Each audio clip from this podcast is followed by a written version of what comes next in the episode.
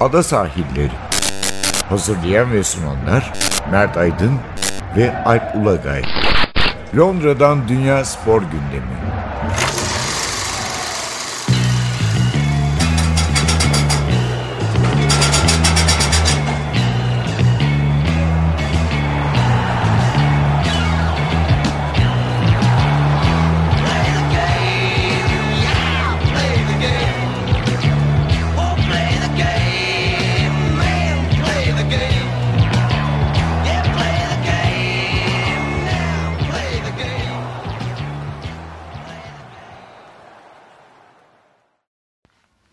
Sahillerinden merhabalar. Ben Alp Ulagay. Ben Mert Aydın. Bir kez daha birlikteyiz. Yine e, farklı gündem maddelerinden oluşan bir içeriğimiz var.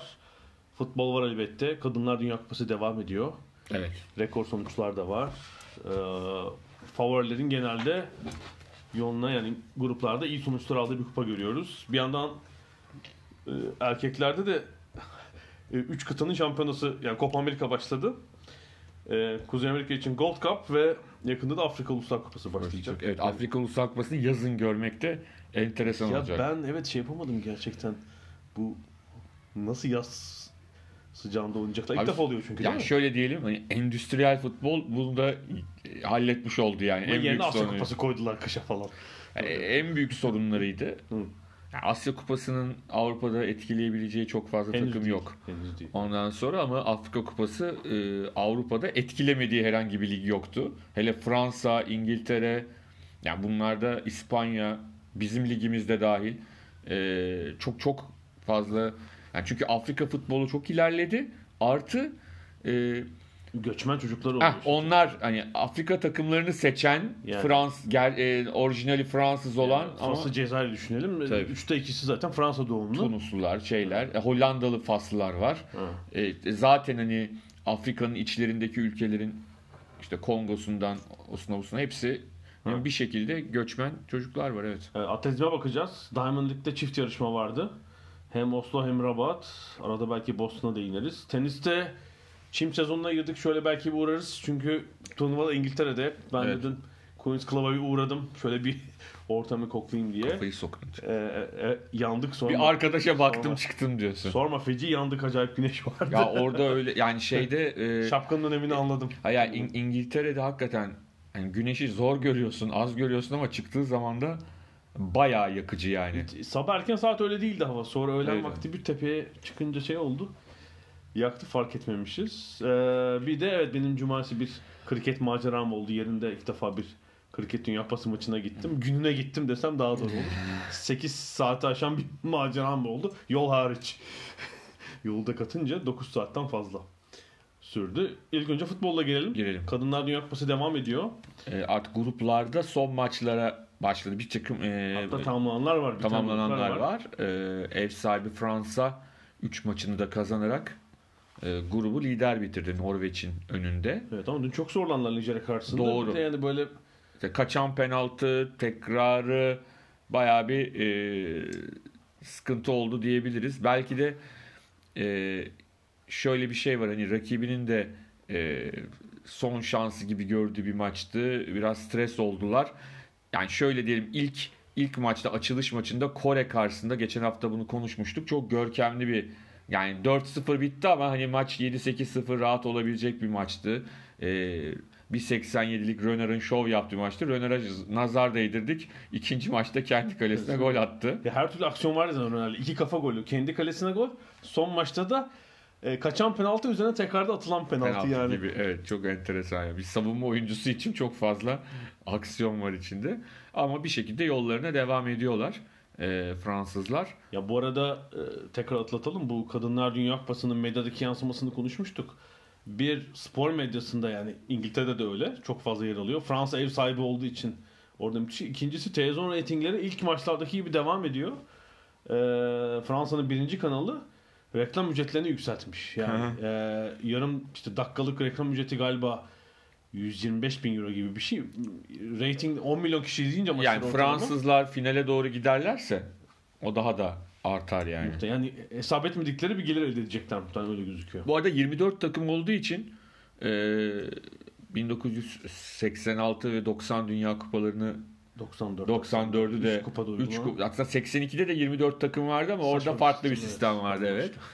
Bahsetmeyelim. O 3 kupada da e, Erkeklerde uygulanan, uygulanan bir var, sistem evet. var. Yani ilk ikiler kesin çıkıyor. 6 grubun 4'ünün de üçüncüsü çıkacak. Evet, yani 24'ün sadece 8'e eliniyor aslında. Evet. O yüzden de yine e, şey kalem kağıtların fazlaca Evet hangi gruptaki üçüncü nin averajı eksi de hangisi kim son maçta kadar gibi gol evet evet o fazlasıyla etkili olmaya başladı. E, o yüzden de işte o kaçan penaltılar, girenler, girmeyenler falan önemli oluyor. B grubunda e, Almanlar sessiz sedasız bir de üstüne gol yemeden grup birincisi oldular. Hakikaten Garantici tam yani. böyle 90'ların ortasının Alman erkek takımı gibi e, gö- gösterişli olmayan bir oyun. E, hatta birçok maçta hani İspanya ve Çin maçlarında büyük sıkıntılar yaşanan oyunlar diyelim ama e, o maçlarda alınan galibiyetlerin ardından en sonda işte grubun zayıf takımı Güney Afrika önünde alınan rahat galibiyetle birlikte e, Almanya grup birincisi oldu. Dediğin gibi gol Ve- yemeden şeydeler yani. Evet. gruptalar. Evet. e, İspanya aslında biraz sürpriz yaptı diyebiliriz. Yani bu grupta İspanya'nın üçüncü olup çıkması beklenirdi.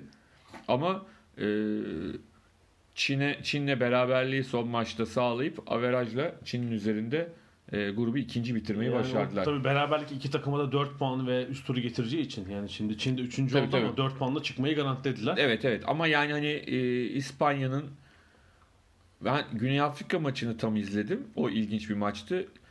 Baskı kurup atamadılar bir türlü. Yediler. Sonradan ama Ha, evet.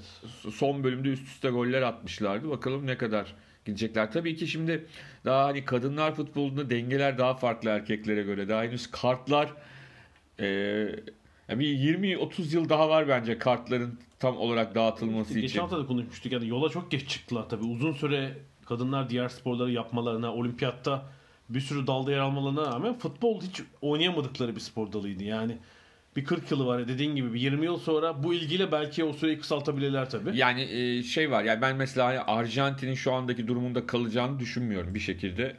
E, onlar ilerleyecektir. İşte İspanya gibi ülkelerde ilerleyecektir. Şu an çünkü e, ne görüyoruz? Yani çok Avrupa ağırlıklı. Artı Çin, Japonya öyle bir tablo Amerika var. var tabii. Ya Amerika tabii evet.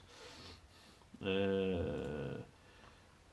diğer gruplarda Evet. Brezilya evet, o Avustralya maçını inanılmaz Bugün tabii Turnuvanın inanılmaz maçıydı herhalde. Evet yani biz bugün şu anda e, bu programı kaydederken daha grubun son maçları oynanmadı. E, bugün oynanacak. E, orada tabii Brezilya bir şok yaşadı. Yani e, Avustralya karşısında 2-0 öne geçtiler. Ardından da birbirinden acayip goller yiyerek 3-2 kaybettiler. Gerçekten. Yani şu ana kadar ama turnuvanın golleri biraz garipti gerçekten Evet, ama maç güzeldi ama gol, en evet, evet. olabilir. goller biraz acayip oldu yani Avustralya'nın golleri bir kendi kalesine gol bir işte orta yapılıp o, önce offside verildi. Ee, Ha, O şeyde kendi kalesine Kendi golde kalesine offside verildi. Sonra işte bakıldı. Ee, aslında bir offside var ama işte o adama daha gelmediği için Ha. o geçerli sayılmadı falan. Bir sürü hikayesi oldu. Ee, ama yani Brezilya'nın çok istediği bir senaryo değil şu andaki senaryo. Yani gruptan çıkarlar mı? Çıkarlar. Yani şu anda çıkarlar diyeceğim ama İtalya ile oynayacaklar son E, maçta. tabii e, biz görmedik ama 3 takım aynı grupta da bitirebilir. Yani bir average Tabii tabii 3 hesabı takım bir konusu olur. evet. 6-6-6 olabilir. Olabilir. Yani Avustralya'nın Jamaika'yı yenmesi bir sürpriz olmaz. Büyük ihtimal olur hatta öyle söyleyelim. Ama ilginç oldu. Yani Brezilya'nın eleneceğini düşünmüyorum. Yenilse bile bir şekilde averajla da olsa o üst tura çıkar ama yani e, şey gibi tatsız geldi bana Brezilya biraz. Evet iyi bir yer tutamayabilir. Mesela evet Grace Note bir Yani iki, iki Fran- tur tahminleri Fransızlara yapmış. denk gelebilirler. İkinci tur olmasa bile duruma göre üç, çeyrek finalde de bir şekilde onlar eşleşebiliyorlar bildiğim kadarıyla. Duruma göre ne- Onlar Fransa ile eşleştirilmiş. Herhalde hiç istenmeyen bir ikinci tur yani Brezilya açısından öyle bir eşleşme olur. Fransa da tabii herhalde ikinci turda Brezilya'nın karşısına çıkmak Evet. istemezdi. İngilizler garantilediler e, gruptan çıkmayı. iki maçlarında kazandılar ama iki maçlarında da e, çok parlak performanslar ortaya koymadılar. Yani, Yani, ben İskoçya maçı ilk yarısı hariç herhalde hedeften İngiltere yok öyle gözüküyor Yok. değil mi? evet İskoçya'yı 2-1 yendiler. Arjantin Ardından da. Arjantin maçı ha, şu var. Orada belki hani şöyle bir mazeretler olabilir. Aslında Arjantin Japonya'dan da gol yemedi. Yani e, a- San Marino'dan hallice bir performans ortaya koyuyorlar defansif anlamda ama hücumda daha tabii ki e, silahları var e, bir şeyler yapacak ama hani e, erkeklerdeki Arjantin gibi değiller. E, orada İngiltere ve Japonya'nın bu gruptan ilk ikiye alıp çıkacaklarını e, düşünüyorum. Ama hani Arjantin İskoçya maçının ardından bu grubun üçüncüsü ne yapar? Çünkü o maçın berabere bitmesi muhtemelen Arjantin'de İskoçya'yı da beraberinde İkisi e, evet. ikisini de öbür tarafa gönderir. O yüzden Bir de tarafa galibiyet lazım. Belki de hani tek farklı da etmeyecek. Evet diğer durumlara göre. farklı kazanır. Arjantin kazanırsa bence tek farklı yeter. Bir puan Ha, var evet, evet, Arjantin. evet. Arjantin Dört olur. itebilir. Doğru diyorsun. Doğru. Çünkü Nijerya 3 puanda. Ee, Evet. Şey grubunda E grubunda da 3 puanla en fazla olabilir. Evet. e, Doğru. o grupta E grubunda da Hollanda Avrupa şampiyonu. İlk maç çok enteresandı. E, 1-0 biten Kamerun maçı 90 artılarda pardon e, şey maçı Kamerun maçı e, Ee, Hollanda. e, Hollanda Hı hı Yeni. Zelanda maçı. Aha, aha. İlk maç. 1-0 bitti. 90 artılarda attılar golü. Ee, onlar için çok önemliydi. Ee, çünkü ciddi baskı kurdukları bir maçtı ama bir türlü atamıyorlardı. Son dakikalarda attılar ve e, şu anda iki maç 6 puan.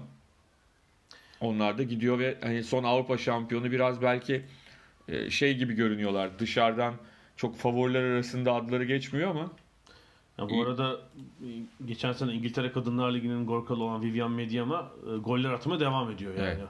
O sezonu müthiş bitirmişti İngiltere'de. Ya profesyonel ligde oynamanın faydalarını gör- görmüş hemen oyunculardan birisi mesela. Yani e, Hollanda evet burada da bir e, şey çıkarabilir yani sürpriz çıkarabilir bu turnuvada. En başta en büyük dört favoriden biri değildi çünkü. Evet evet. Turnuva başında. Ee, Amerika Atıyor, atıyor, atıyor. atıyor. Ya hatırlarsan geçen hafta tam Amerika'nın maçıyla aynı gün programı yapmıştık. Daha maç oynanmamıştı. O gün Tayland'a 13 tane attılar. İkinci maçta e, Şili karşısında Acımasız oldu. İlk yarı 4-0 mıydı? 3-0 mıydı? ilk yarı 3-0'dı.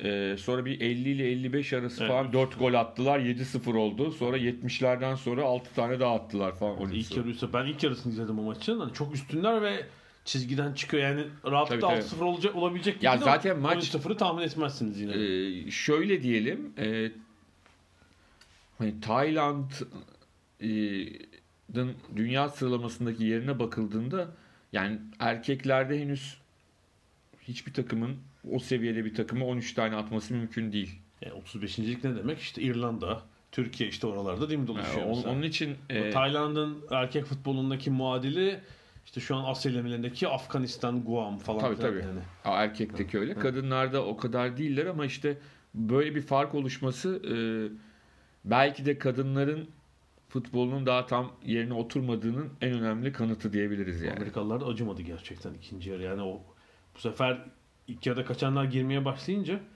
feci bir skor çıktı ortaya. Ya arada dinlenme dönemleri var işte 20'şer dakikalık orada bir şey olmuyor falan. İsveç de e, işini halletti. Yani Amerika ve İsveç gruptan çıktılar. Şili ve Tayland e, son maçta oynayacaklar ve hani kazanan averaj durumuna göre ki Tayland kazanırsa hani 10-0 falan kazanması lazım herhalde. Yani Tayland'ın zor. Kazansa bile zor. Hatta Tayland kazanırsa Şili'yi de beraberinde götürür. Kendi de gider. Ama Şili kazanırsa ki Şili Tayland'dan daha iyi görünüyor. O zaman e, genel üçüncüler sıralamasına bakılacak averaj durumuna. 3 puanlıların averajına. Evet. E, Grace Note bir bugünkü maçlar, dünkü maçlar öncesinde aslında bir son 16 sıra- şey yapmış. İkinci tur olabilecek eşleşmeler.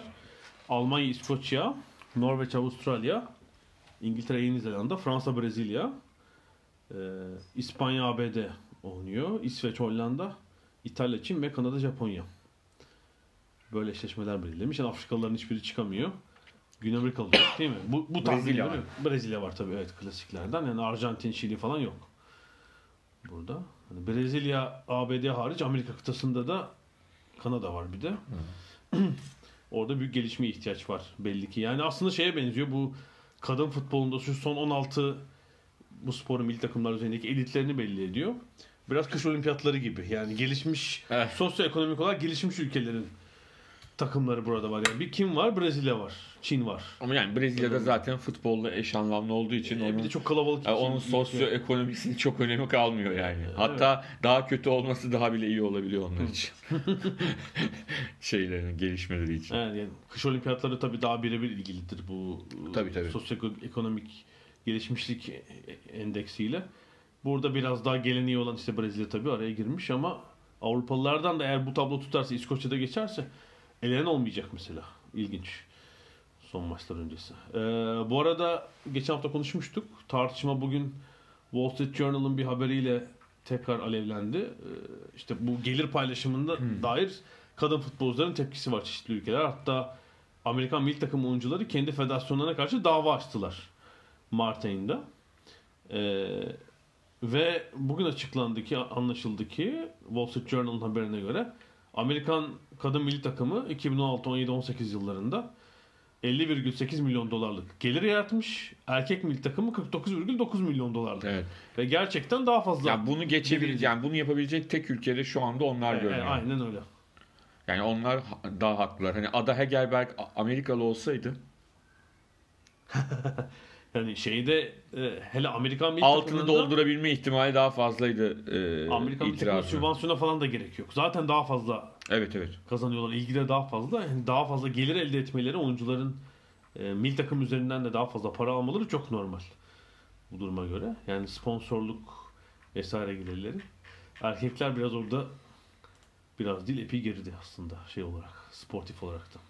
Tabii bu arada Fransa'da bu kupa olurken e, Fransız e, bir futbol adamı da biz bu programı çekmek için hazırlanırken sabah saatlerinde gelen haber Evet, bir son dakika haberi. Mediapar önce Mediapar geçti. Sonra diğer haber siteleri de bu 2002 2022 Dünya Kupası'ndaki yolsuzluk soruşturması sebebiyle Michel Platini e, gözaltına alındı. E, Nanter, Paris yakınlarındaki Nanter e, emniyeti bünyesinde. Orada ifade veriyor. Başka yöneticiler de var. Eski Sarkozy döneminin Cumhurbaşkanlığı e, Genel Sekreteri e, Geyan da var. Ama o gözaltında değilmiş.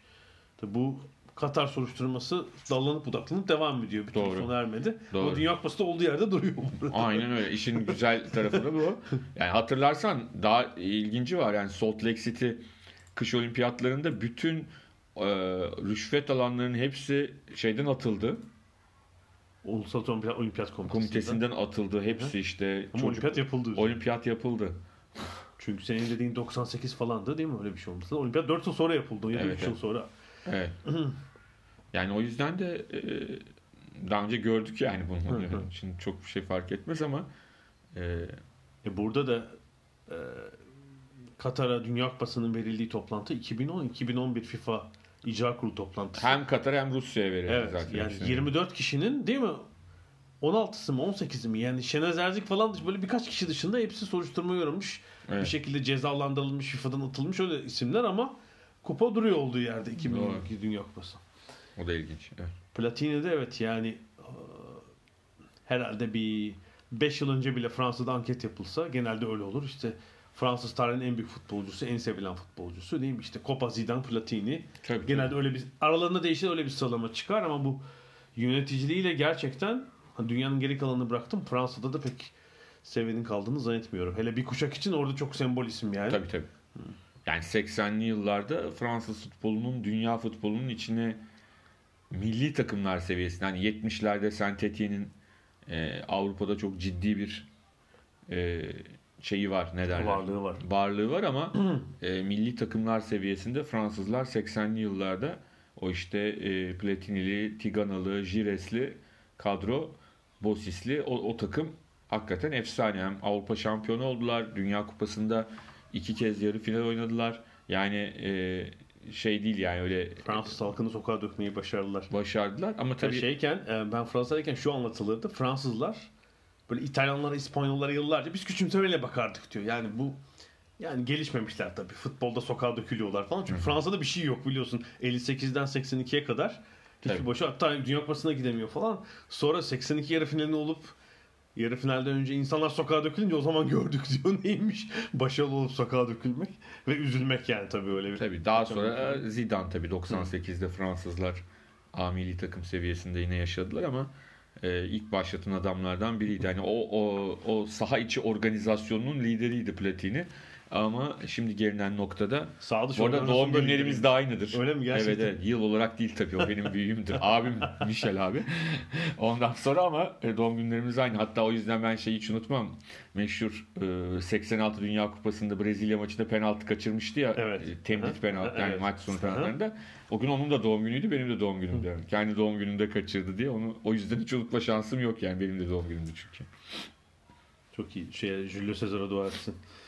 Julio Cesar değil mi? Direğe vuran oydu galiba. İki penaltı kaçırmıştı Brezilya. Bir tanesi şey de esas tabii orada tartışılan. Direğe vurup E. Carlos'un kafasına çarpıp içeri Belon'un- giren Belon'un, Belon'un evet. ondan sonra. Onun inanılmaz belgeseli vardır maalesef YouTube'da yok artık. Belon'un o penaltı anlatmasını görmen lazım. Yani. Orta saha, yani orta sahadan penaltı noktası yürümem yani yarım saat falan sürdü diyor aslında. yani o kadar şey E ben gelmiş ki. e, yani bunu e, daha en efsane anlatım, daha kısa bir şeyi bu kadar uzun anlatım. Yıllar önce Francis Obikvelu'yla e, Nijerya asıllı Portekizli 100 metreci sprinter e, şeyde gümüş almıştı Atina Olimpiyatlarında O 2004'te 2004'te, 100 metrede. E, o yarışı bana 20 dakika falan sürdü detaylı anlatması. Yani topu topu 10 saniye süren bir yarış yarım saatte anlattı. Yani işte şu, şeyden girdik ne derler ısınmadan girdik şeyde oturma e, yerlerine oturulmasından işte pozisyon alınmasından yarış sırasında 10. metrede sağa baktım sola baktımdan 20 dakika falan sürdü 10 saniye yani. Ne yaptın? 10 binci mi olsun adam? Uzun yarış. Bitmez, Şimdi yarışa bitmez. başladık. Bitmez bitmez. Bir de tabii esas e, haftanın sorusu Messi mi büyük Maradona mı gibi bir şey çıktı. Nereden Çünkü- çıktı o? Çünkü Copa Amerika'da e, Arjantin ilk maçında Kolombiya'ya 2-0 mağlup oldu. Yine bir turnuva kazanamayacaklar yani kaybedecekler. Yani grup maçında kaybettiler aslında daha telafisi de olabilecek bir şey ama e, tabii işte öyle bir şeyler çıkmaya başladı. Yine elmalar, armutlar birbirine karışmaya başladı. Ben bir kere şeyi çok e, sağlıksız buluyorum. Ben zaten hani futbolcuları karşılaştırmak da çok sağlıklı değil ama en azından hani aynı dönemde oynayan oyuncularla biraz daha anlamlı olabiliyor ama farklı dönemlerde oynayan oyuncuları karşılaştırmanın şöyle bir sakıncası var. İki tarafa da haksızlık oluyor. E, çünkü Geçmiştekine neden haksızlık oluyor? Çünkü günümüzdekilerin aldıkları antrenman, e, işte vitaminlerinden tut çalışma ortamlarına kadar hem kulüp hem milli takım seviyesinde çok farklı. Ama kendi döneminin en iyisiyle oynamış. Şimdi Dünya Kupası'nda değil mi? Yani Tabii şimdi Tür- bu Türkiye'de şeyde haklı olabilirsin burada. Yani ben buna çok katılamıyorum. Türkiye'nin 50'leriyle şimdi kıyaslasın hayır ben şimdi öbür tarafa da döneceğim. Ha. Tersi de var. Çünkü adam Dünya Kupası kazanmış zaten. Şimdi Dünya Kupası'nı oynayanla kıyaslayabilirsin tabii ki yani. Bence neden kıyaslamıyorum? Hı. Çünkü ben hep şunu savunuyorum. Dünya Kupası kitabını da yazmış biri Hı olarak bunu söylemek durumundayım. Artık Dünya Kupası dünyanın bir numaralı organizasyonu değil futbol organizasyonu. Ama bu son 3-4 kupa içinde Ama işte ama şimdi Maradona, Messi bu dönemin ama, Ama Pele ile o zaman kıyaslamayacak bizim Maradona'yı yani. Bu mantıklı o da olur. Ben Buna ben katılamayacağım ben. Yok ben katılacağım. Kendi fikrim. Ya şöyle bir şey var. Şimdi Messi'nin de 5 tane Şampiyonlar Ligi var. Anlatabildim mi? Yani şu anda dünyada en çok e, izleyicisi olan, dünyanın en iyi futbolcuları her E, sene... Maradona zamanında bu Şampiyonlar Ligi mi vardı o zaman? E tamam işte onu diyorum ben de. Hı. Ben de onu anlatmaya çalışıyorum zaten. Yani Ama her bu- iki tarafa da haksızlık olduğunu düşünüyorum ben. Yani Bu kıyaslamanın. Hı hı. Çünkü özellikle şeyle ilgili kıyaslama yapılıyor çünkü. Şu kadar kupa kazandı, Hı hı. şunu aldı, bunu aldı. Tek başına Dünya Kupası. Şu anda hiçbir futbolcu tek başına Dünya Kupası kazandıramaz. Bir kere futbol değişti. Yani futbolun yapısı Tabii, değişti. kesinlikle. Ya Maradona'nın büyüklüğüne Hı. bir şey yetmez bu. Belki Messi de o dönemde olsa belki o da tek başına kazandırırdı. Yani bunu bilme şansımız yok. Bireysel etkin hele daha eskiye gittiğinde çok daha da fazla. Çok yani. daha da Evet. fazla. Yani tersi de şimdi Maradona'yı şimdiye getir. Tabii ki eski haliyle getirirsen bir şey yapamaz. Ne kadar yetenekli olursa olsun. Ama fiziksel olarak daha sıkı antrenmanlar, daha farklı bir e, şey yapısı. Ama Ben- antrenmana dayanır mı tabii onu da bilmiyoruz. ya dayanır da o zaman ama dayanır halde yetişecekti Hı. zaten. Hani çocukluğundan itibaren buna hazırlayacaklardı. Yani bunu söylemek lazım. Tabii diğer taraftan şu da var işin içinde başka başka e, parametreler çıkıyor karşına. Yani e, işte mesela Pele ile Maradona'yı karşılaştırırken Pele kardeşim Avrupa'ya gelmemiş. Abi adam istemiş de gelmemişti ki. hükümeti yasaklamış yani Ülke anlatabiliyor muyum? ihracı yasaklamış. Ülke yasaklıyor. Adam ne yapsın yani bu adamın e, suçu değil ki. Hani Dünya Kupası sayısı ise o da 3 tane kazanmış. Yani, yani böyle bir mantıktan kupa sayısıyla bilmem neyle gidemeyiz. Kupa sayısına girersek o zaman Xavi, Iniesta ve e, Casillas'tan daha büyük bir Dünya Kupası Maxwell. falan en fazla kupalı oyuncu muydu? Maxwell çıkıyor galiba. şey için söylüyorum. Hani dünya e, uluslararası kupa anlamında söyleyeyim. E, o zaman onlar olacak yani o zaman tarih yani ne zaman nereye bakacağımızı bilmekte zorlanıyoruz. Bak şunu söyleyelim. Tüm zamanların en iyi 11'i Pele'nin, Maradona'nın, Messi'nin yeri garanti. Xavi ile Iniesta'nın yeri mesela benim 11'imde garanti. İyi orta saha oldukları için. Yani şey ne derler? e, çok çok karışık bir şey ve hani herkesin subjektif bir yorumu var. itirazım yok ama hani diğer insanlara karşı fikirde olanlara hakaret ediliyor herkes. Birbirine hakaret ederek Yok, hayatını Bir sürdürüyor yani, yani. Arjan milli, milli takımının genel şeyi iyi değil yani. Ee, Dünya Kupası'na kal, finaline kaldıkları kadro bile bilmiyorum. Savunma oyuncuları falan. Bunu da söylemek lazım. Çok yani 90'larda daha iyi kuşak yakaladıkları dönem yok muydu? Bence vardı. Vardı. Hayal kırıklığına uğradıkları dönem. Çok vardı evet. Ee, daha iyi kadrolarla elenler mesela yani son 2010, 2014, 2018 ee, çok iyi bir kuşak olmadığını söylemek lazım. Yani bazılarını değerlendiremiyorlar tabi. Ama kupa kötü başladılar. Ben o maçı izleyemedim. Ee, Brezilya maçını da izlemedim. Onlar da rahat yenmişler. Bir Uruguay Ekvador'u izledim. Orada Uruguay tek taraflı Bayağı maç. dal geçti Uruguay yani evet yani Ekvador belli ki hazır değil. Uruguay'da o e, her zamanki milli ruh kenarda Taberes ta- ya tam kadro gelmişler ve hırslılar şeyler bir de Ekvador 10 kişi kalınca ilk yarıda olay çok çabuk çözüldü ama harika goller attılar. Yani Lodeiro'nun ve Cavani'nin golleri seyirlikti gerçekten. Ee, zaten en çok Copa Amerika kazanan ülke değil mi? Evet. Uruguay galiba yani. O ilginçtir orada Brezilya çok geride. Uruguay ve Arjantin önde. Zaten 1910'lardan başladığı için. Tabii. Yani a, biliyorsun Brezilya'nın 30'larda anca başlıyor o işler. Yani Uruguay, 1910'larda Arjantin önde 20'lerde başlamış. Uruguay Arjantin zaten yani. Ee, onu, onu söylemek lazım. Onların meşhur şeyi vardır. Olimpiyat maçı, olimpiyat e, şampiyonluğunu kıskanıp Arjantin'in yani Arjantin Uruguay'ın 1924 olimpiyat şampiyonluğunu kıskanıyor. Çünkü kendileri ilgilenip gitmiyorlar. Aha. Diyorlar ki kardeşim biz sizden daha iyiyiz. Bir maç yapalım, şey yapalım. Ha? Kazanan şampiyon olsun. Ondan sonra eşleşmeli ikili bir maç yapıyorlar ve e, kornerden atılan bir gol sonucu belirliyor. O yüzden de Evet. olimpik Olimpiko. gol deniyor. Olimpiko evet. Güney Amerika'da hala kornerden direkt atılan golü o yüzden olimpik gol deniyor. Yani o, o dönemlerde Uruguay, Arjantin var. İki de yani gelenek olduğu üzere Copa Amerika'da malum CONMEBOL'un E, Me- Meksika sadece epeydir 10 yoktu. 10 üyesi var. Meksika e, vardı, Meksika yok artık. E çünkü Gold Cup'la Evet, evet. çatıştı. Şey, Meksika yani çünkü kazanmaya da aday oluyor hep bir şekilde kadrosu. genelde ne olur? E, 10 ülke olduğu için iki konuk ülke Meksika, ABD falan olur. olur. Bazen Japonya'da olmuş oluyordu. Bu sefer Katar'da enteresan bir şekilde. Evet, ya Asya Şampiyonası'nın iki finalisti var. Katar ve Japonya. Ama Katar ilginç bir şekilde 2-0'dan maçı çevirdi ve 2 gol atıp 2-2 ile ayrıldı Paraguay karşısında sağdan. İlginç durum. Yani Arjantin elim Katar çıkarsa o gruptan. Şu an durum öyle çünkü puan durum cetvelinde Katar 3. Arjantin 4. Asıl büyük sürpriz olur. Yani Katar'ın şeyine baktım takım değeri 1,5 milyon euro gözüküyor mesela. Yani Neye göre? gayet ilginç. Şey mi? Transfer, Transfer market yani elbette ölçü değil ama hani bir şey olsun diye Ee, bir bakayım dedim. Son derece düşük. Ee, daha evet yani birinci grup maçları olanı tabii.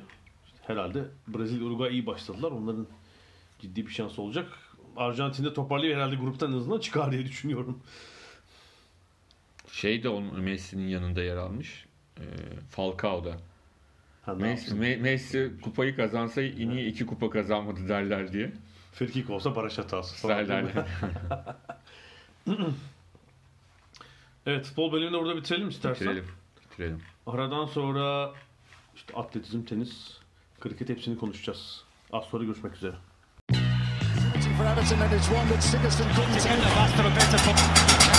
Ada sahilleri. Londra'dan Dünya Spor Gündemi.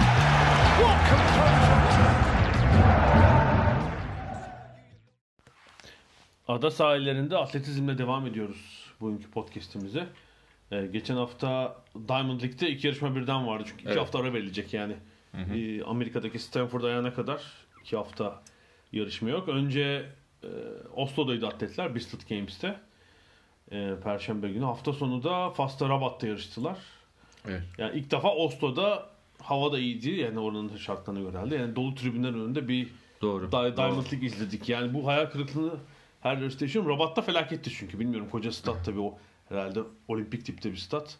Bilmiyorum kaç kişi vardı herhalde. 10-15 bin kişi vardı. Ee, yani bazı iyi derecler parlayan atletler var.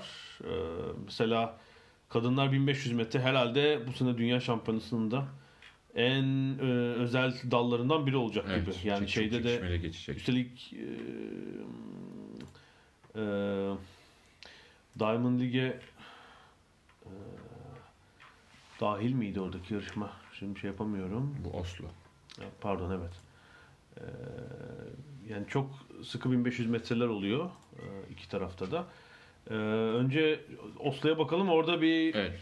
100 metrede Kristin Coleman dünyanın en derecesini Yılın koştu. en iyi derecesini 9.85 koştu. Ee, çok ciddi bir farklı ve rahat kazandı. Yani 60 metre dünya rekortmeni Kristin Coleman.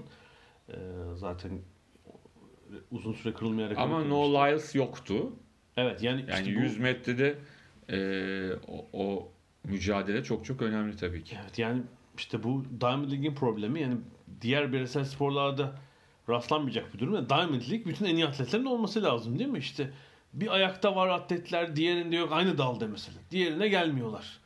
Davet parası, bilet gönderdin, göndermedin. yani- Programı değişik oluyor ya da bir şey yapıyor yani. O, Tabii o işte şey- Amerika atletlerin bazıları Amerika'da alternatif yarışlar var. Orada yarışıyorlar. Ciddi bir sıkıntı. Ee, 400 engelli erkeklerde Karsten Evet. Warholm nihayet bir Avrupa rekoru kırdı. Avrupa rekorunu kırdı. Stefan Diagana'nın Sanıyorum 1995 dünya şampiyonası. 24 yıllık, Göteborg'da. 24 yıllık E yine Avrupa şeyde rekoru. kırıldı işte. İskandinavya'da Evet, yani o evet. zaman da Göteborg'da 95 dünya şampiyonasında Diagana kazanmıştı. Fransız atlet. E, 47-35 ile Avrupa rekoru ondaydı. Onu e, kırmış oldu ve kendi evinde kırmış olması da kendi ülkesinde kırmış olması da tabii e, tezahüratlar e, evet, Coşku bir çok, destek çok vardı. büyük Çünkü destek. başka Norveçli atletler de vardı ama en tabii çarpıcı dereceyi Warholm elde etti. Yani rakipsiz de koştu o gün. Ee, rahat birincilik aldı. Rekor şeyi oldu. Zaten Warholm ve e, Ingebrigtsen kardeşler için yapılmış gibiydi yani bizlet oyunları onlar hani Yani. Norveçler yine doldurdular ama tabii başka bir şey oluyor. tabii tabii. Ev sahibi atletten böyle bir derece çıkınca. Warholm herhalde yine dünya şampiyonasında da e, madalyanın en büyük adaylarından biri olacak. Yani kazanımı bilmiyorum. E, iddialı rakipleri karşısında ama Ya şu şeyin rekoru, rekoruna doğru ya- yaklaşıyorlar yani hani. Kevin? Young, Kevin Young'ı 27 sene oldu. Barcelona'daki rekoru 46-78. Çok uzun süre oldu. Geçen tekrar izliyordum. O zaman için öyle farklı kırılması bekle, beklenmeyen rekor ama bu kadar uzun süre kırılamayacağını tahmin etmiyorduk açıkçası. Evet, biraz 27 400 engelli şey kaldı ya. Yani eee, hani o büyük yıldız hani Edwin Moses falan ondan sonra şey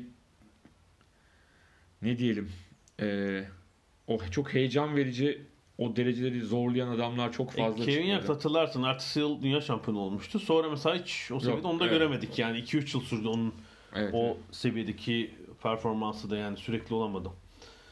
Ee, başka ilginç ne vardı? Şeyde bakıyorum. Ee, Oslo'da. Ee, Yüksek atlama. Ha bu arada şey var. e, 400 engelli kadınlarda e, olimpiyat şampiyonu Dalayla Muhammed ha, Dilayla Muhammed. 17 yaşındaki Sidney McLaughlin'e geçirdi. Geçirdi. McLaughlin de şu anda Amerikalıların göz bebeği. 17 yaşında henüz ve e, çok şey bekleniyor e, kendisinden. Bakalım ben Amerika şampiyonasını heyecanla bekliyorum. Orada nasıl neler yaşanacak ama e, sonuçta Muhammed'i geçmesi ve Dalayla Muhammed'i geçerken de yarışta hatırlarsan yani Dalayla Muhammed kazanacakmış diye düşünürken biz o son metrelerde çok müthiş bir atak yaptı ve onu geçip e, yarışı kazandı. Evet yani bir genç kuşak bir Amerikalı atletler var. İşte üniversite öğrencisi çok genç. Tabii bunların hani bu uzun sezona nasıl adapte olacağını tam kestiremiyoruz. Bir yarış tek başına yeterli olmayabilir ama ilginç bir kuşak geliyor bu özellikle sprint dallarında. Ama McLaughlin'le çok iddialılar McLaughlin için. Yani röportajlar yapıyorlar, yazılar yazıyorlar. Çok çok iddialılar.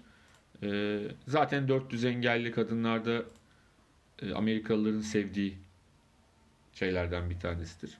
Dallardan bir tanesidir. E, bu arada bu sene kadınlar yüksek atlamada hatırlarsanız hani sezon başından beri 2 metre pek geçilemiyor. Ge- Pek değil hiç geçilemiyordu. E, ve Diamond League sonuçları da genelde 1.90 civarlarında derecelerle bir çok da 98 falan da bitiyor. çok da e, heyecan verici görünmüyordu ama Mariela Siskene Oslo'da 2 metreyi aştı. Yılın en iyi derecesini yaptı. 2.01 ve birazcık rahatlattı. Çünkü biz bir dönem o kadar alışmıştık ki 2.05'ler, 2.06'lar yani o 2.0 e, şeyin e, ne derler Kostadinova'nın 32 yıllık dünya rekorunun e, kaç kere yani artık bu sene kırılır dediğimiz yıllar oldu. Blanka Vlas için işte Kaysa Berkuist'in Berkustin evet. e, Çiçerova'nın Yaklaşmışlardı gerçekten. O seviyeye Yaklaşmışlardı. yakınlardı. Şimdi O çok ama- uzağız oradan. Evet evet o yüzden de işte Lasiskene bence yine hani bunu yapabilecek biri varsa o. Maria Lasiskene. Ee, o da en azından 2 metreyi aştı. Tabi atletleri de anlayabiliyorum şu anda bütün dallardaki. Bu senenin hani evet tabii ki Diamond League e, işin parasal kısmı ama hani manevi açıdan da en önemli şey dünya şampiyonası ve dünya şampiyonası e, Katar'da yapılacağı için doğal olarak e, Eylül sonunda yani Eylül'de yani normalde 3 ay var. üç fazla var. Ağustos'ta yani yıllardır dünya atletizm şampiyonları e, ya Ağustos'ta olur ya da Ağustos başı ya da Ağustos sonu yani bir şekilde Ağustos'ta yapılır ağırlıklı olarak. Eylül'ün başına e, gelen birkaç tane olmuştur ama ağırlıklı öyledir. Hallerine bakıp dua etsinler. Kasım aralığa koyabilirler Dünya Tabii, tabii, tabii. O yüzden de tabii ki e, hani onlar için de antrenörler için de bence çok ciddi şekilde şey problemi var. Yani hani en formda dönemini sporcuların ayarlamaya çalışıyorlar. O da kolay değil. Yani Amerikalı atletler mesela Temmuz sonunda bir zirve yapmak zorunda. Kendi şampiyonlarında. Evet. Özellikle hani sprintlerde, rekabetin yüksek olduğu dallarda. Sonra bir belki küçük ara işte Eylül sonu bir daha bir zirve daha yapacaksınız. Muhtemelen zaten herhalde e, onun da Haziran yerine Temmuz sonunda olmasının sebebi olabilir. E, Bu arada Marcin Lewandowski Evet, Avrupa'nın e, en iyi en iyi yarışmacı atletlerinden Şöyle biri. şöyle diyelim Lewandowski 1 mili ki hani Oslo Bisiklet Games'in e, özel yarışıdır Dream Mile, Rüya Mili.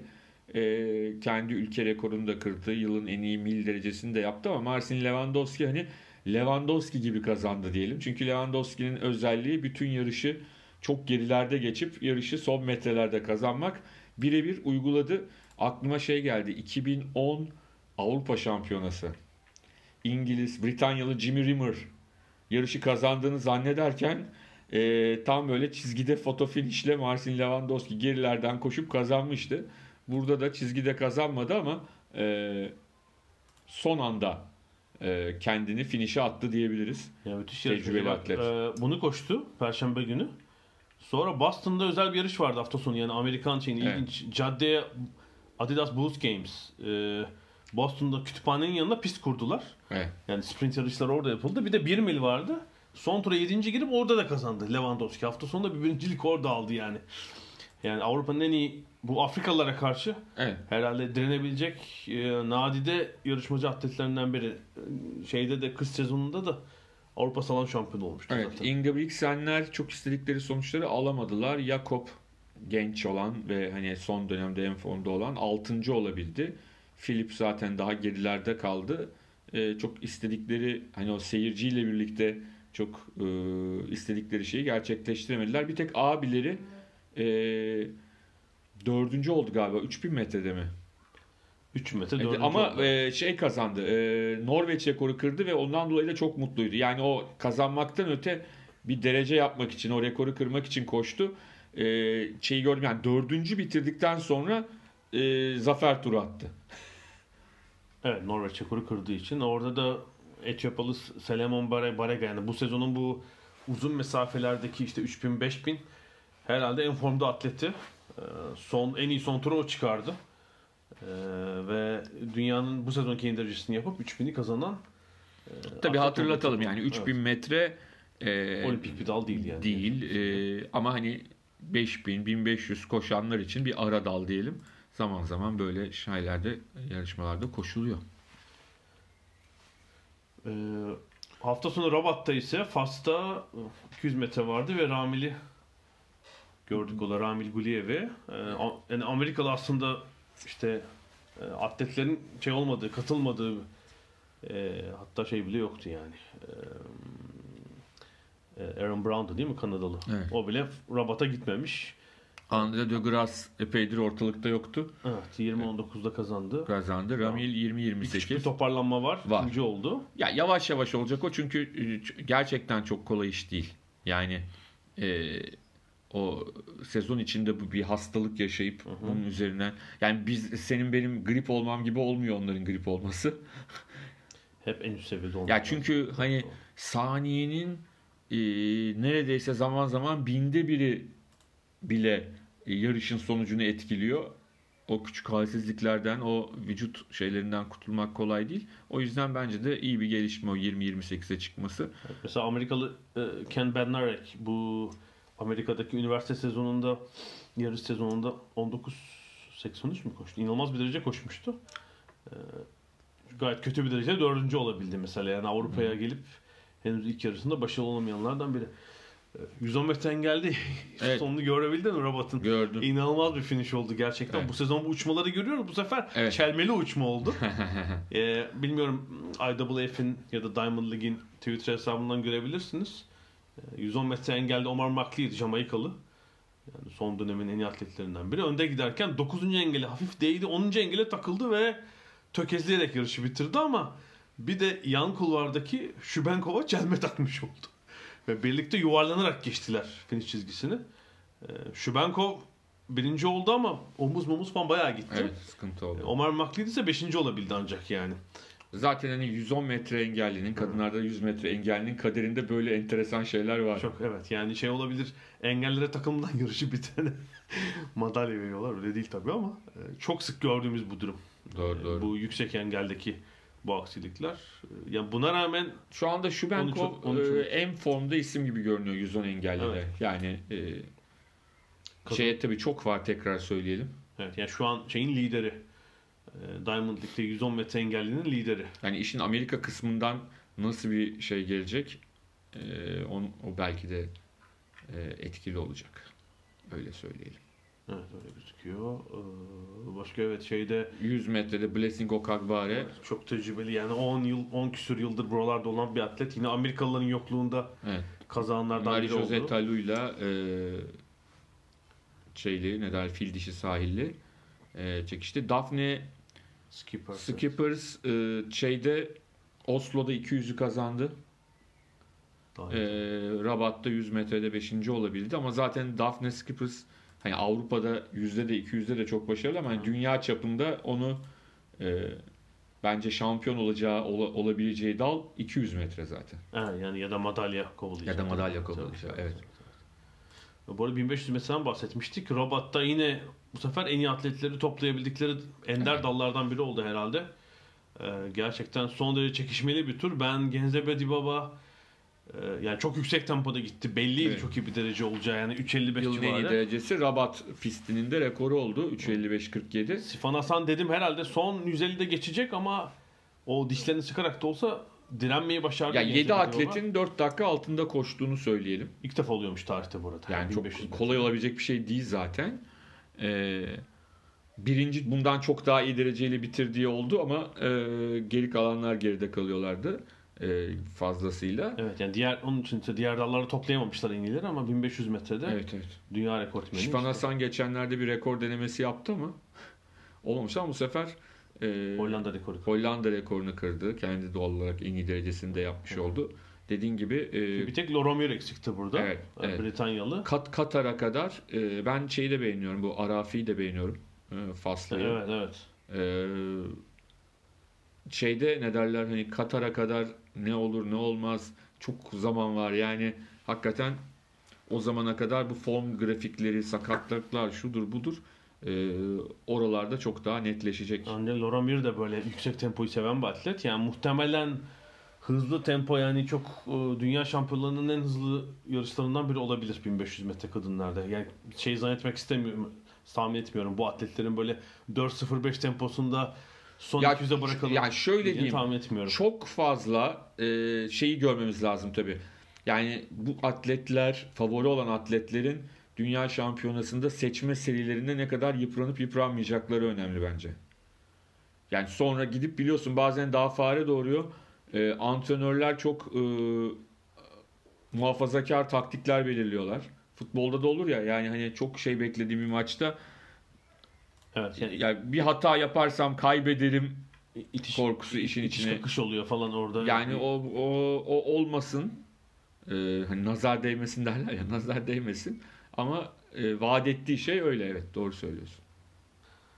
Ee, Bundan sonraki Diamond League'a dediğimiz gibi 30 Haziran'da Eugene'de değil Stanford'da yapılacak bu sene. Ee, ABD'deki Diamond League. Bu arada hafta sonunda o Boston'daki yarış da gerçekten ilginçti. Ee, yaptıkları pist e, 200 metrelik bir pist yaptılar. Düz bir pist. İşte 100 metre, 150 metre, 200 metre düz koşturdular. Ya ben sana ilginç bir şey söyleyeyim. Ee, Boston Maratonu'nun finish çizgisinin olduğu cadde e, ki yani o bombalamanın da hı hı. geçmişte yaşandığı caddede e, mesela akşamları ki baya hani şeyin ne derler hani Boston'ın e, en işlek caddelerinden bir tanesi. Belki de en işlektir bilmiyorum tabii şimdi Bo- Boston uzmanı değilim. Ama çok e, şey bir cadde. E, alışveriş merkezleriyle, restoranlarıyla anlatabildim mi? E, Boston'a giden herkes oraya bir gidiyor. Orada toplanıyorlar ve koşular yapıyorlar. Yani gruplar var. O bölgede e, şey yapıyorlar. Toplanıp koşuyorlar. Öyle söyleyeyim. Yani o yüzden Boston e, spor yapmak için koşarak, koşmak Şu- için çok Ben ideal yani. yarışmayı şundan ilginç buldum. Şimdi bu hep şeyden bahsediyoruz yani işte Diamond League değil mi? En elit seviyesi ama Avrupa'daki işte havaya bağlı, iklime bağlı da olabilir. Yani dolu yarış görmedik, işte atletleri, atletleri çekemiyorlar. Ciddi bir şey sıkıntısı var. Ee, gelir yaratma sıkıntısı var. Herhalde böyle alternatif parkur ve pistlerle biraz şey arttırılması gerekiyor atletizm dünyasında ama yani IWF logo değiştirmekle uğraşıyor bu arada. Evet. Yani hiç Yani e, spora ve sporcuya güven kalmadı. Bence atletizmin en büyük problemi o. Çünkü güven kalmayınca sponsor da bulamıyorsun. Yani asıl mesele orada sponsor. Yani 20-25 yıldır süren doping sorunları Onu da doğru çözemiyor yani. Doping e, bütün sporların problemi. Hı hı, Sadece atletizmin problemi değil. Yani, yani şey var. Ne derler? E, bisiklet var yani hani doping problemi deyince Hı hı, hı. atletizmin daha önüne koyabileceğin ama işte bence doğru e, politikalar izlenmediği için hep birilerini koruyalım, birilerine bir şey olmasın. Bazılarını kabul edelim, bazılarını etmeyelim politikaları çok ciddi şekilde e, sarstı. Yani şu işte dünya sıralaması uygulamasını getirdiler. Yani şeyi ben Ya anlamıyorum. Semenye meselesini falan nasıl e, E yine çıktı işte son işte yani Rabat'ta biliyorsun. halledemiyorlar yani. Rabat önce davet ediyor Diamond League. Sonra vazgeçiyorlar. Daveti geri çekiyorlar. Ee, ondan sonra son, iki gün kala tekrar ya gelin yarışın falan diyorlar. Tabi şey ağırlanamamış yani Güney Afrika ile Fas arasında sanıyorum çok uzun bir mesafe tabi. Yani o uçak bağlantısı aktarmalı gidecek. 20 saat sürüyor. Katılmaktan vazgeçmiş. Zaten yani en tepede kaç at yani bir avuç atleti var atletizmin böyle tüm dünyanın tanıyabileceği. İşte onu birine getiremiyorsunuz oraya. Yani şeyi ben anlayamıyorum. İşte 200 metrede e, Noah Lyles Rabat'ta koşmuyor. Niye koşmuyor? Yani onu mec- teniste mesela düşünemiyorum değil mi? Yani Grand Slam'leri bir kenara koydum. Masters turnuvalarına işte o turnuvaya katılmıyoruz biz. Böyle seçerek e, yapılabilen bir uygulama değil. Çok garip yani sözü de geçmiyor demek ki IWF'in. İlginç bir durum. Ee, Ama bence iyi bir iş yapıyorlar falan. Şeyi değiştiriyorlar, logoyu değiştiriyorlar. evet, Dünya Şampiyonası sonra logosu değişecek ve şey de değişecek değil mi? World Athletics mi olacak? Öyle öyle. Onu güreş falan yaptı ya. Evet. Ne yapalım buradan? Bir ara daha verelim mi? Bence vermeden diyorsun? geçelim. Evet evet çok. Evet, teniste tabii Wimbledon'a daha var. Bir sonraki hafta yani kaç? 10 gün mü var? 12 gün var. Ama bu çim turnuva dönemi gelince tabii İngiltere'de hareketlenme oluyor. Bir sürü ön turnuva var. Ee, Londra'da da bu hafta Queen's Club turnuvası var. Ee, Favorite um, Fever Tree sponsorun adıyla anılıyor. Ben şöyle dün bir uğradım turnuvaya. Bir kolaçan edeyim diye. Gerçekten pazartesi olmasına rağmen yani ben 10.45 gibi e, Londra'nın epi merkezi sayılır. İşte Fulham semtinde.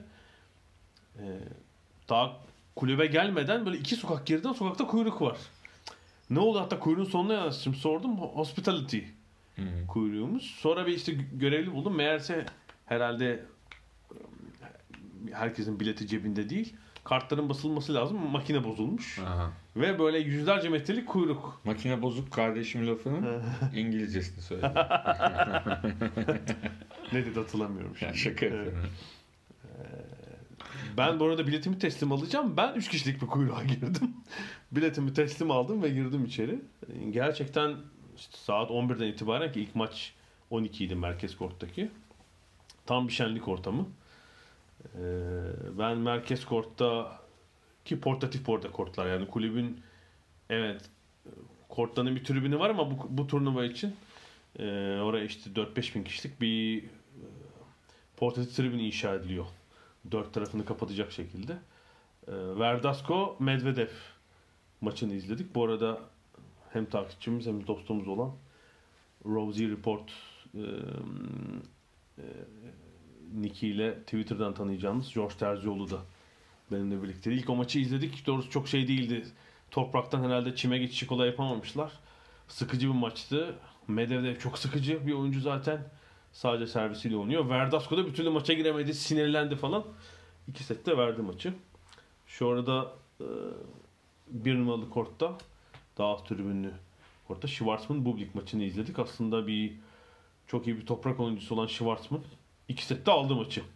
O da turu geçmeyi başardı. Yani şimdi bu İngiltere'deki turnuvalarda işte Federer'in olduğu grupta Almanya'da Halle'de oynuyorlar. Wimbledon'ın hazırlıklarını tamamlıyorlar. Haftaya Wimbledon'ın elemeleri var ve bir sonraki pazartesi de yılın 3. Grand Slam'i e, Londra'da Wimbledon semtinde başlayacak. E, Yani bu Federer'in Halle'deki durumunu da görmek lazım tabii. E, Şeyde ise bu Queens'te geçen senenin şampiyonu Çilic sezonun bu dönemine kadar pek iyi gelemedi Çilic. Dün ilk tur maçını kazandı ama e, ünvanını koruyabilir mi kestiremiyorum gerçekten. Ama bu Queen's Club'da çok özel bir ortam olduğunu söylemem lazım. Ya pazartesiden Evet. doluydu Evet. şeyler yani tribünler herhalde insanlar işte izinlerini buna göre BBC de veriyor maçları burada Hı hı. canlı olarak. Ee, buna rağmen hani bizde klasiktir ya televizyon veriyor, açık kanal veriyor, kimse gelmiyor. Ha, diğer şey kortlardaki maçları Amazon Prime de veriyor bu arada. Amazon'un Evet. Prime şeyi yani çünkü bir numaralı kort bayağı küçük bir korttu. Ama üç tarafında kamera vardı yani orada da. Ee, sadece merkez kort değil. Bir numaralı korttan yayın olduğunu da söyleyelim. Neyimiz var başka? Bir de kriketimiz var en son değil mi? Tabii bu arada Amerika'da da e, biz çok takip edemedik burada. E, ama NBA vardı, finali bitti. Toronto kazandı. Kanada'da büyük bir sevinç var. Ama e, orada da kutlamalara kan Ne olmuş kutlamalarda bir ateş açılmış galiba değil mi? evet, öyle mi? evet, yaralananlar Dört yaralı var. Evet. Kanada sporu uzun zamandır herhalde bu kadar sevinmiyordu. Toronto aslında e, yani Kanada'nın bir numaralı sporu bu hokeyi tabii ama bu NBA'ye iki takım almışlardı. 95 herhalde değil mi? 95. Grizzlies, Vancouver'la Toronto. Vancouver gitti Memphis'e ama Toronto'da takım kaldı ve işte biraz da sürpriz sayılabilecek bir şampiyonluk e, aldılar. Çok da kalabalık olduğunu gördüm ben Evet, kutlamaları. evet. kutlamalar. En sonda da ben çok az kriketten bahsedeyim. Burada arada konuşuyoruz. en son ben cumartesi günü bilet aldım ve Şey iddiası doğru mu? Sen orada görmüşsündür. Sporcuların bile kriket kurallarının hepsini bilmediğini. yok yok gayet. Böyle hani uzakta duranlar oluyor ya bazen hiç top gelmiyor Evet. saatlerce. Onlar mesela şey ne derler? Şey, espri yapıyorum. Şey ya bir şey oynuyorlar. Bana da verdiler şu kaza. Şurada durayım ben yani be. söylemek gerekirse mesela Amerikan futbolu, beyzbol falan çok daha şey karışık ve şey gelir kıyaslanınca kriketle kuralları. Ya kriketin Amerika. sıkıntısı bence kurallarından çok o puanlama sisteminin insanların kafasını karıştırması görünüşte. He, tabii tabii Yani hani belirli bir e, x 10 Ha. y 8 gibi bir sonuç yok ya. Biri 120 222 y nasıl olur diyorsun mesela. Ama onun işte öbür tarafta bir hücum Buradaki yapıyor. var. Herkesin puanı toplanıyor falan. Yani bunlar çok e, şey değil. E, dünya sporunu takip edenlerin kolay anlayabileceği şeyler değil. O yüzden de kriketi oynayanlar rugby'den de aslında daha e, dar bir çerçevede oynanıyor kriket. evet zaten işte buraya 10 ülke katılıyor ve Dünya Kriket konseyinin zaten 12 daim üyesi var. Onu burada. Bir de İrlanda ile eee, iki ülke yok yani burada yer almıyor. Geri kalan 12 burada. Gelseydiler. evet. E, şey olmuş. Hatta işte tam üye olmayan e, associate memberları da zaman zaman Dünya Kupalarını almışlar ama bu sefer takım sayısı biraz daha az. 16'lık turnuvalar olmuş. Çünkü şöyle ben e, Londra'da Vauxhall, yani Londra'yı bilenler tabi bilir. Vauxhall istasyonuna yakın Oval stadında Sri Lanka Avustralya maçına gittim cumartesi günü. E, maç 10.30'daydı. Saat 10'a doğru ben oldu oldum. Mahalle şey stadın etrafı dolu ve yani stadın içi de tamamına yakını doluydu. Ee, işte 10.30'da gerçekten maç başladı. 2'de planlanan bir yemek arası var. Yani daha doğrusu bir takım önce bir takım hücum ediyor. O gün Avustralya hücum etti. Çünkü kurayı kazanan takım genelde savunmak istiyor. Sri Lanka kazandı ve Sonra bilerek yani skoru bilerek evet şey evet yapıyorsun. yani genelde öyle olmuş ve Avustralya bu Dünya Kupası'nda 5 kurayı da kaybetmiş ilginçtir. Sri Lanka'da işte önceki iki maçı yağmur sebebiyle oynanamamıştı. Ee, seyircilerin Sri Lanka ağırlıklı olduğunu söyleyelim. Sri Lanka desteği daha fazlaydı ama Avustralya tabi çok daha iyi hücum etti. E, ve 334 e, sayı yaptılar. Özellikle Finch'in e, Finch ve Smith ikilisinin oynadığı dönemde e, skoru arttırdılar. Yani 50 over denen 50 oyun üzerinden oynanıyor. 334'e ulaştılar. Sonra da Sri Lanka hızlı başladı ama devamı gelmedi. Yani Sri Lanka kalesini e, çabuk devirdi Avustralyalılar. Yani belliydi skorun şey olmayacağı. Yani ortama gelirsek de süre çok uzun olduğu için yani 10'da orada oldum. 10.30'da maç başladı. İşte bir yarım saat ara. 6'yı 2 geçe bitti maç. E, 7.5 saat. ya onların bir günden fazla süren maçları da oluyor ya yani hani o ayrı bir kategori Tabii şeyi. klasik test maçları, milli maçlarda 2-3 gün sürebiliyor. Tabii. Oyna. Burada Van de- Beşte çay arası haberi Tabii geliyor. bu Van de- Ajansa gelirdi ya Reuters'a. Zaten Çay arası. işte hava karınca oynamıyorlar orada. Hmm. Burada maç şeye kadar ışıklar yandı zaten bir noktadan Hmm. sonra. Yani 7,5 saat sürdüğü için 4 kere falan iklim değişti. yani böyle hafif serin başladık. Sonra ceketler çıktı. Yağmur geldi. Tekrar ısındı. En son rüzgar. Üşüdük yani saat 6'ya gelirken. Ee, Öyle bir ortamda bitti ve tabii o süreyi doldurmak için sürekli yemen içmen lazım. Yani saat 10-10.30 çay kahveyle başlıyorsun. Tabii bireyle başlayanlar var. Malum öğlen yemek, öğleden sonra tekrar işte bira, kahve Niye. Seylan çayı içmiyor bu Sri Lankalılar? Çay kahve, yani ağırlıkla bira, bütün şeyi dolaşmadık. Kesin vardır onun büfesi de. Biz denk gelmiyor muhtemelen.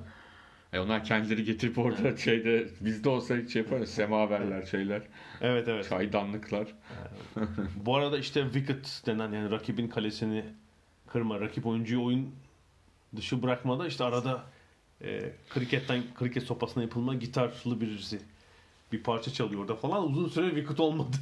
Çalamadılar parçayı. Ama Sri Lankalıların şeyin sesini daha çok duyduk gerçekten. Ya şimdi Sen kimin arasındaydın? Karışık mıydı? Eee yanımızdaki çift hani beyaz İngiliz gibi duran bir çifti. Onlar Sri Lanka'yı destekliyorlar daha çok gördüğüm kadarıyla. Büyük büyük dedesi Sri Lanka'da görev Ya yapmış. bilmiyorum herhalde öyle bir sempati. İngiliz genel valisinin küçük oğluymuş falan. Ee, şöyle ki şeyi tabii yerine gidince anlıyorsun işte çok maç 7-8 saat. Yani televizyonda yayın nasıl böyle bir şey mümkün olabilir diye yani Yayınlıyorlar zaten şeyde. şöyle yani Sky Cricket yayınlıyor ama hani çok kanal olmadığı bir döneme gitsek yani kanalda başka yayın olmaz o kadar Tabii saat. tabii tabii. 7-8 saatte. Yani anca bir bölümüne yayınlanır. Çünkü şu baskı varmış galiba. Final maçı Dünya Kupası'nın İngiltere'de açık kanaldan yayınlansın. Hani sadece final maçı.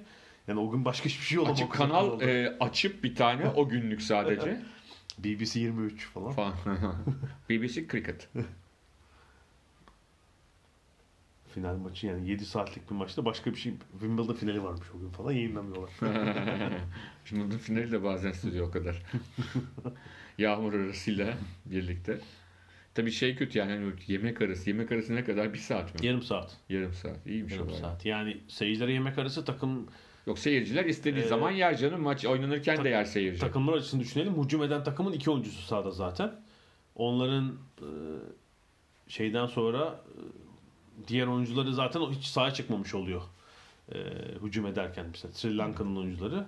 E, Avustralya'nın da e, ya da tersi işte Avustralya'nın e, bu ilk hücum eden takımın oyuncuları da e, daha doğrusu e, dinlenmiş olacaklar işte ikinci yarıda. böyle ilginç ama yani evet bir sabır ve ayrı zaman ayırmak gerektiği aşikar böyle bir spora. Gerçekten öyle bir tecrübe olarak denemiş olduk. Var mı işimiz başka bir hafta? Başka yok. Böyle başka ilginç spor. Britanya özgü. Kroket falan. Haftaya bakarız. Evet. e, haftaya tekrar buluşmak üzere. Görüşmek üzere diyorum. Hoşçakalın.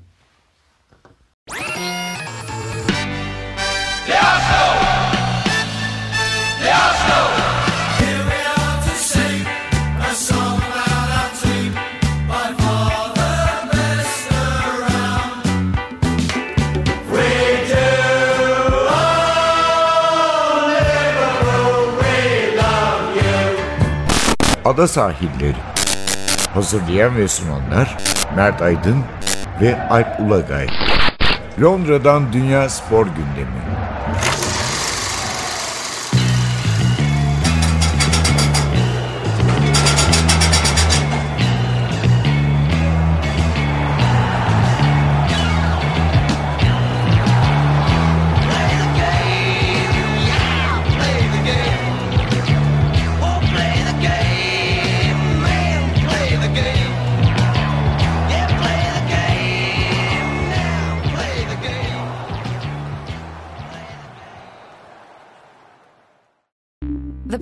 Just heard was made using Anchor.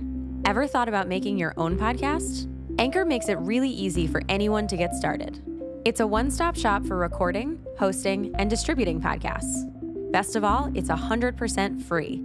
Sign up now at anchor.fm slash new. That's anchor.fm slash new to get started.